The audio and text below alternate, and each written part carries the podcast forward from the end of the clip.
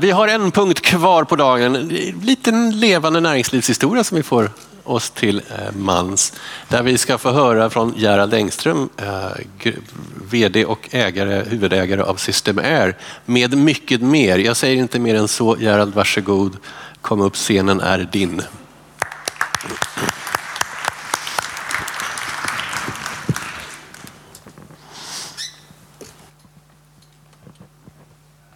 Vara på Nalen och presentera eh, Systemär och företagshistoria som jag har varit med och jobbat med sedan jag var väldigt ung.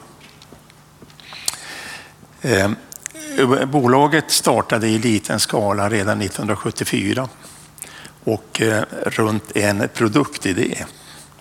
Det var att eh, Ja, jag, tror jag måste ta den lite senare.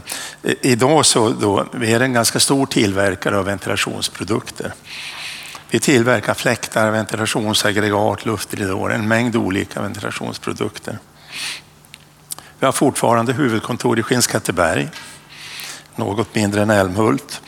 Eh, vi omsatte 12 miljarder i fjol. Vi har eh, produktionsanläggningar i 26 länder eh, och vi har säljbolag totalt i 54 länder. Vi har inte kommit lika långt som Bosch, men vi jobbar på det. Å andra sidan startade de 100 år före oss. Och resan då som tog oss hit, dit jag har kommit idag. Det, det började då med eh, kanalfläkten. Vi, vi, eh, jag sålde fläktmotorer för ett tyskt bolag, eller två tyska bolag egentligen.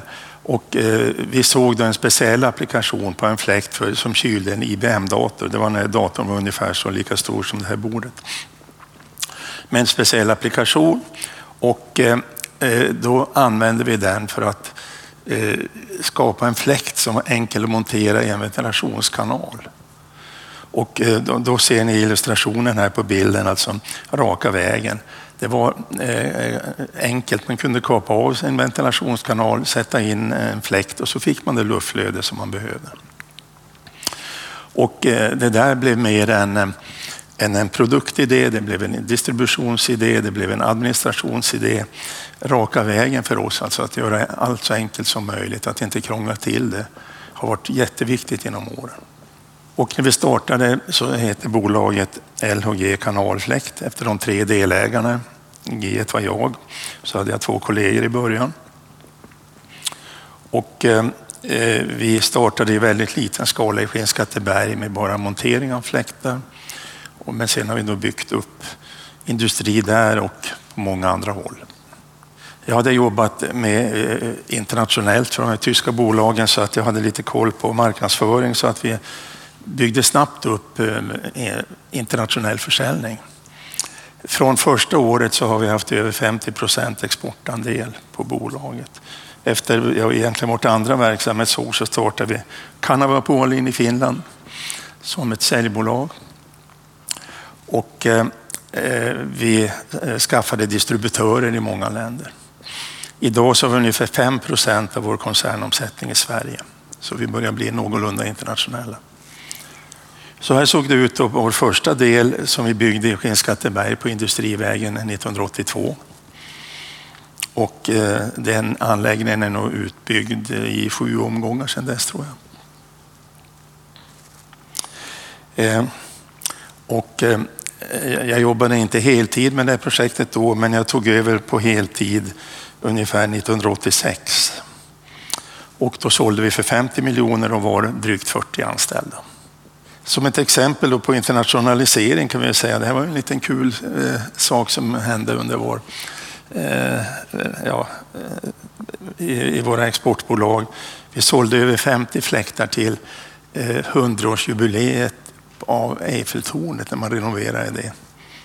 Så att de finns eh, i toaletter och hissar och restauranger i, i den byggnaden.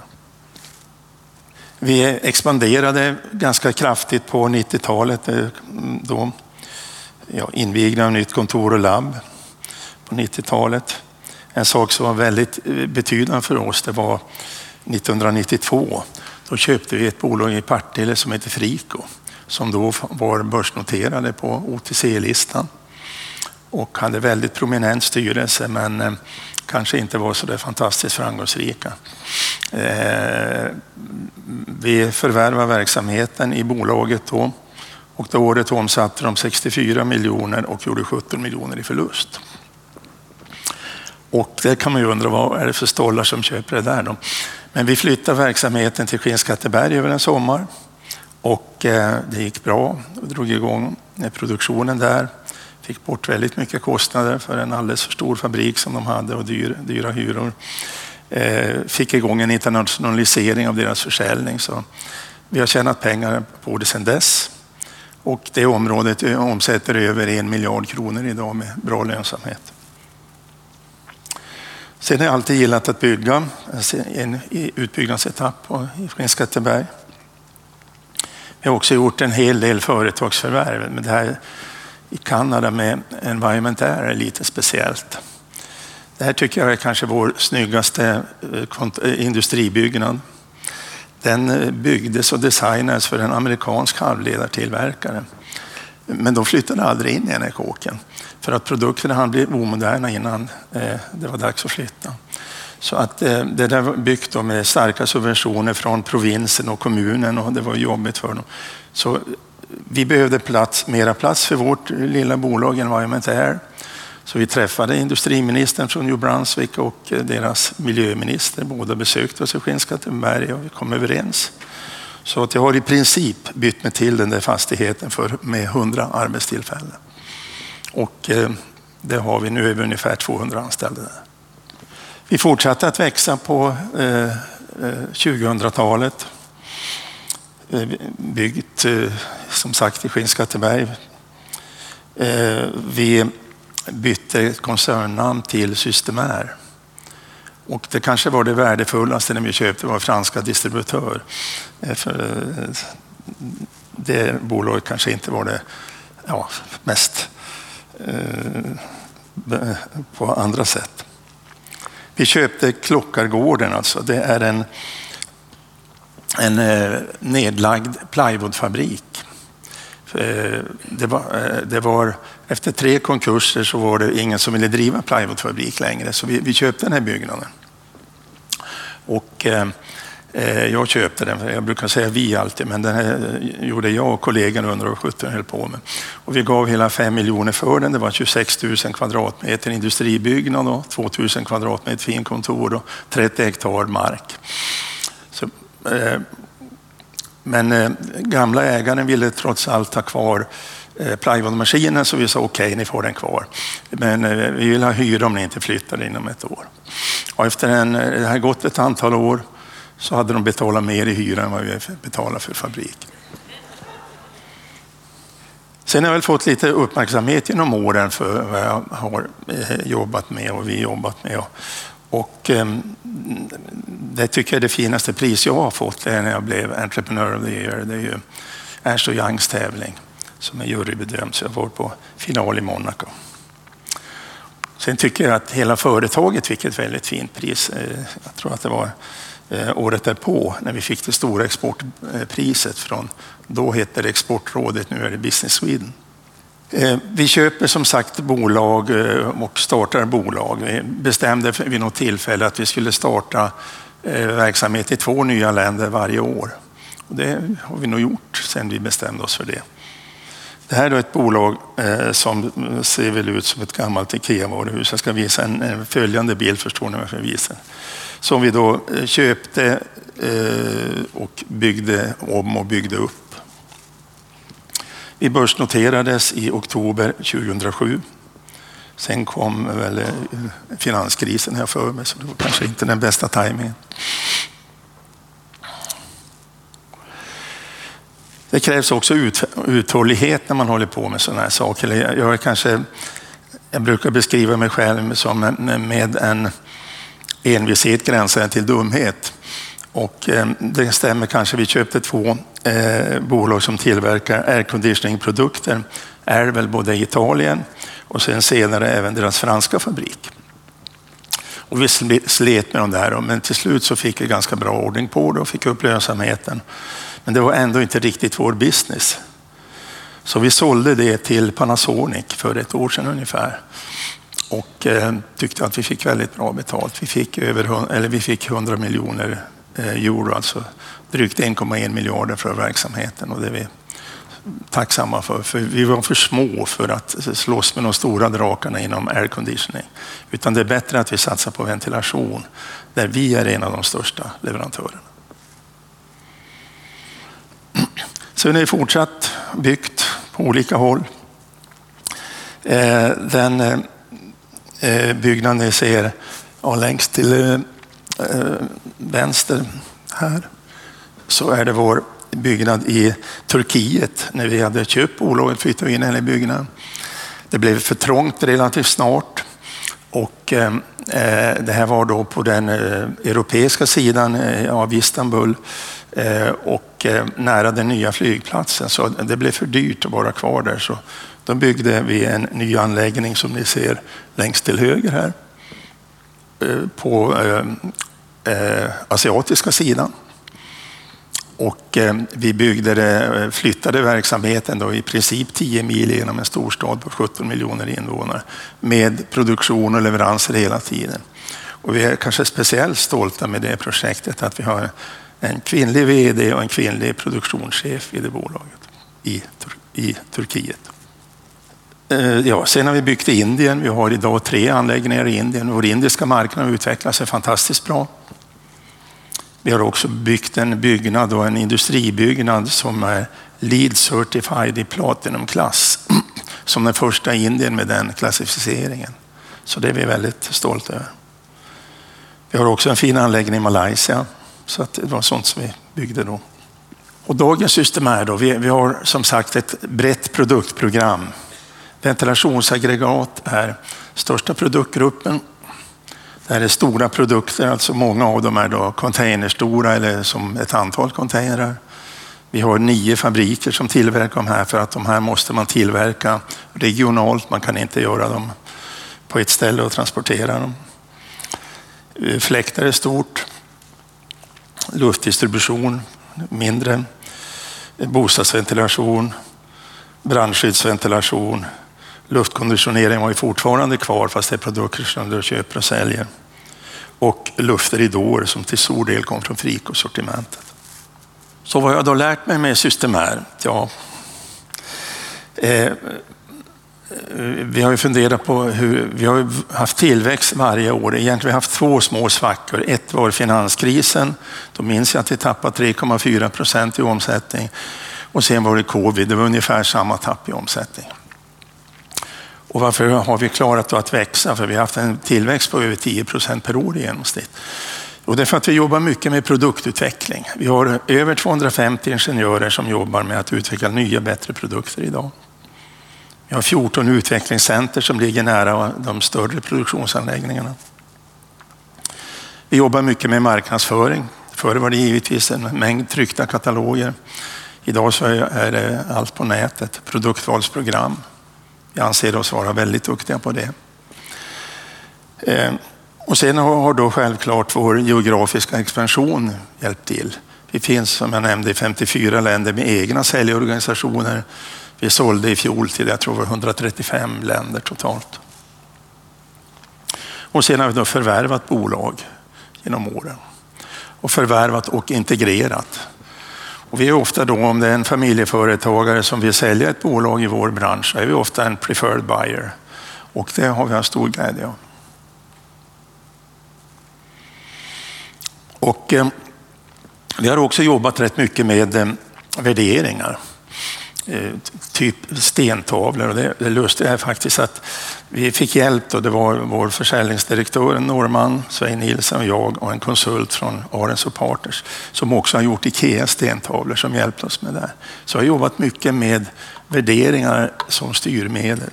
Så vi hade ett litet häfte så här då med eh, ja, vi gör det enkelt, den raka vägen, pålitlighet, klarspråk, ja, en massa sådana här saker. Och det där har hjälpt oss och där har vi på en massa olika språk de här värderingarna. Vi har seminarier på dem, vi kör fortfarande med dem efter 25 år. Har mm, förnyat dem, men de är en viktig del i vår företagskultur. Och att vi, och vi verkligen jobbar med och behåller det. Ja, prioritera, förenkla och sen ser det pålitlighet och så finns det ett antal underrubriker på det här. Och det fungerar alldeles utmärkt. Eh, sen ägandet i, eh, i Systemair sen vi blev börsnoterade, då, mitt ägande ligger då ett bolag som heter Färna Invest. Det är nog ett av de eh, investmentbolag med minst omkostnader, har ingen anställd, det är bara jag. Men jag har gjort en del investeringar då som utvecklar sig väl. Jag är största delägare i Hansa eh, som är en, kontraktstillverkare. Väldigt framgångsrik sådan och omsätter ungefär 4 eh, miljarder kronor i år. Och har vuxit snabbt med bra lönsamhet. Jag var faktiskt på styrelseresa med dem i, i Värmland igår och i förrgår i Töcksfors, Årjäng och Svanskog. Fantastiskt fina produktionsenheter, 600 anställda. Där. Sen är några bolag som jag har jobbat med länge. Det här drivs eh, numera med son, RVM Systems. Vi tillverkar pantmaskiner, returautomater. Och eh, lite speciell marknad. Man måste vara med när det införs nya pantsystem. Så idag så har vi 16 bolag i Europa, eller 15 i Europa, ett i Australien, som eh, då eh, ja, marknadsför, underhåller, säljer de här produkterna. Och det har vuxit väldigt snabbt. Och sen köpte vi då ett danskt bolag som hänger ihop med det här som gör eh, det man kallar high speed counting and sorting, sådana enheter som finns till exempel på svenska Returpack som tar det centrala mottagandet av tomgods, petflaskor, burkar. Och vi omsätter ungefär en miljard kronor på de här verksamheterna i år. Sen så ibland händer det saker som man undrar på, hur gick det här till då? Hur kunde det bli så här? Och eh, anledningen var väl att jag kände eh, eh tidigare ägarna till Indiska och eh, förde en dialog med dem och hjälper dem med, eh, med ja, eh, finansiering, refinansiering av deras bolag och skulle bli delägare där, men det var tyvärr inte möjligt. Bolaget var inte i alltför bra skick så att de blev tvungna att inställa betalningarna. Men eh, jag tyckte väl att jag hade väl en viss insyn i bolaget och tyckte att det fanns potential. Och sen lite tråkigt att ett 120 år gammalt bolag skulle lägga ner verksamheten. För det bolaget startade faktiskt 1901. Och det nya företagsnamnet då, eh, det gäller ju att ändra något från det indiska magasinet och tyckte jag väl att vi valde indiska 1901.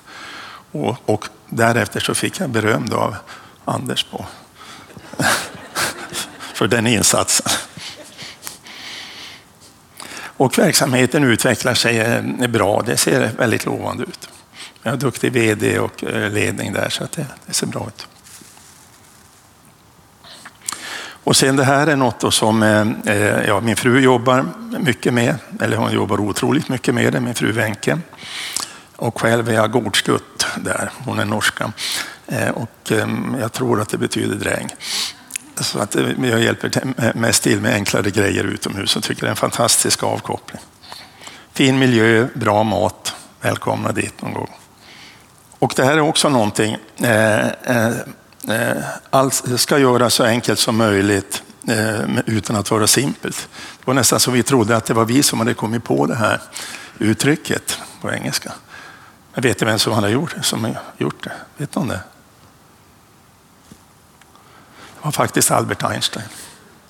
Så eh, jag tycker att man kommer en del om man förenklar saker och ting, om man inte krånglar till det. Det tycker jag väl att eh, vi har bevisat med vad vi har jobbat med och vad vi får till. Så, tack så mycket.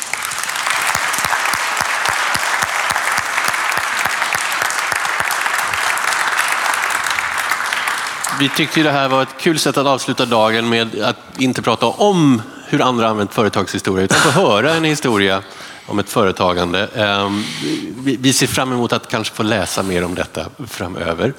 Ehm, jag måste ändå bara fråga, Skinnskatteberg, du har blivit kvar, ni har blivit kvar. Var det aldrig prat om att flytta till Stockholm?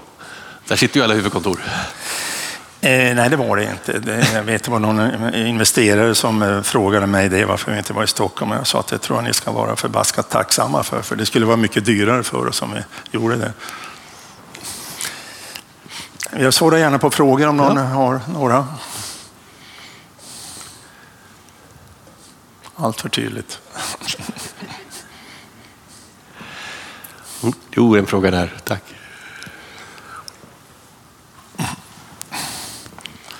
Eh, jo, jag är nyfiken på när man gör den här resan som, som du beskriver här från att vara en väldigt liten verksamhet till att faktiskt bli en internationell eller global spelare. Vad, hur, eh, vad tycker du är den viktigaste eh, egenskaperna eller liksom, vad har varit svåraste utmaningen eller vad är, det, vad är det för något som krävs för att ta det där steget? Det är ju ändå liksom en, ett stort kliv ni har gjort där. Vi började tidigt att tänka internationellt, som jag nämnde i början. Här. Så att vi, vi, tycker väl inte att det har varit så stora kliv egentligen, utan det har varit ganska naturlig utveckling. Men det, det är klart att det, det, var folk som undrade när vi startade i Indien hur det där skulle gå. Kanske vi funderade själva på ibland innan vi fick fart på det. Men eh, det gäller väl att ha en viss uthållighet och, och inte vara alltför riskavärt heller. Utan man måste ju våga eh, saker och ting.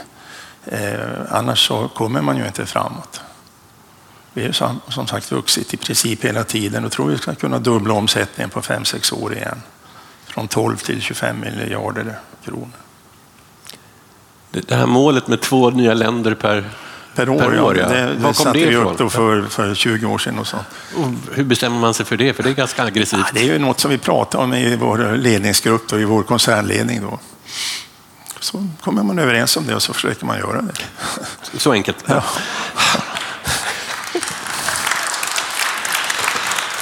Vi tar den enkla vägen. Några fler frågor? En fråga där.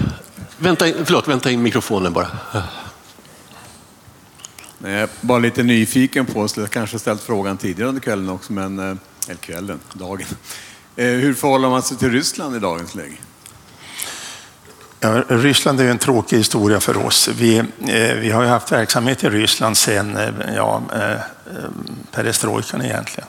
Hade bra verksamhet, men vi stoppade alla leveranser dit när kriget började.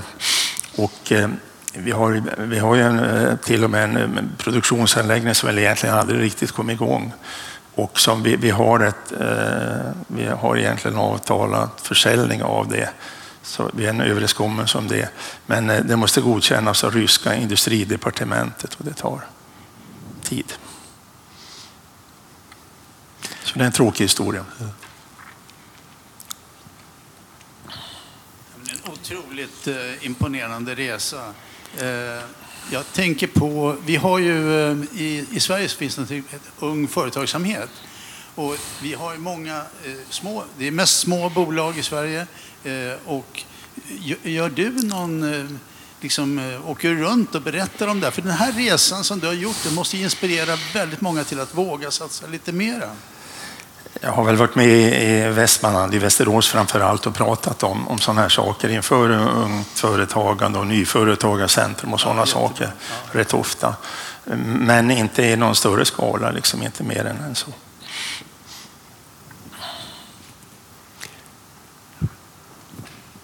När man lyssnar på historien som ju är jätteimponerande så ofta är det ju dels egen produktutveckling och hela tiden ligga i och säga, konkurrensduktig framkant och konkurrera. Men också det här att ta över företag och få lönsamhet på dem. Att inte förköpa sig. Du berätta inte något om något misslyckat övertagande utan det är gott att få ordning på allihopa. Och det påminner om en annan historia vi har hört här om Grimaldi som gör likadant. Det måste vara något i ledningen att kunna ta över företag i olika länder, olika kulturer och få ordning på dem. Är det någon eh, ledningsfilosofi eller vad är det som ligger bakom det där? Eh, det är det nog. Vi försöker integrera bolagen, men vi försöker få dem att, eh, att jobba efter våra värderingar, att förenkla det hela. Det tror jag har varit en väldigt viktig del, att vi har, har kunnat göra det. Och eh, vi, ja, den svenska ledarskapsmodellen fungerar faktiskt väldigt väl. även utomlands. Vi försöker inte så att säga anpassa oss och hitta på att vi är annorlunda i Tyskland eller USA eller så, utan vi försöker köra samma modell. Om inte fler frågor, stort tack Gerald för detta. Mm, tack så mycket.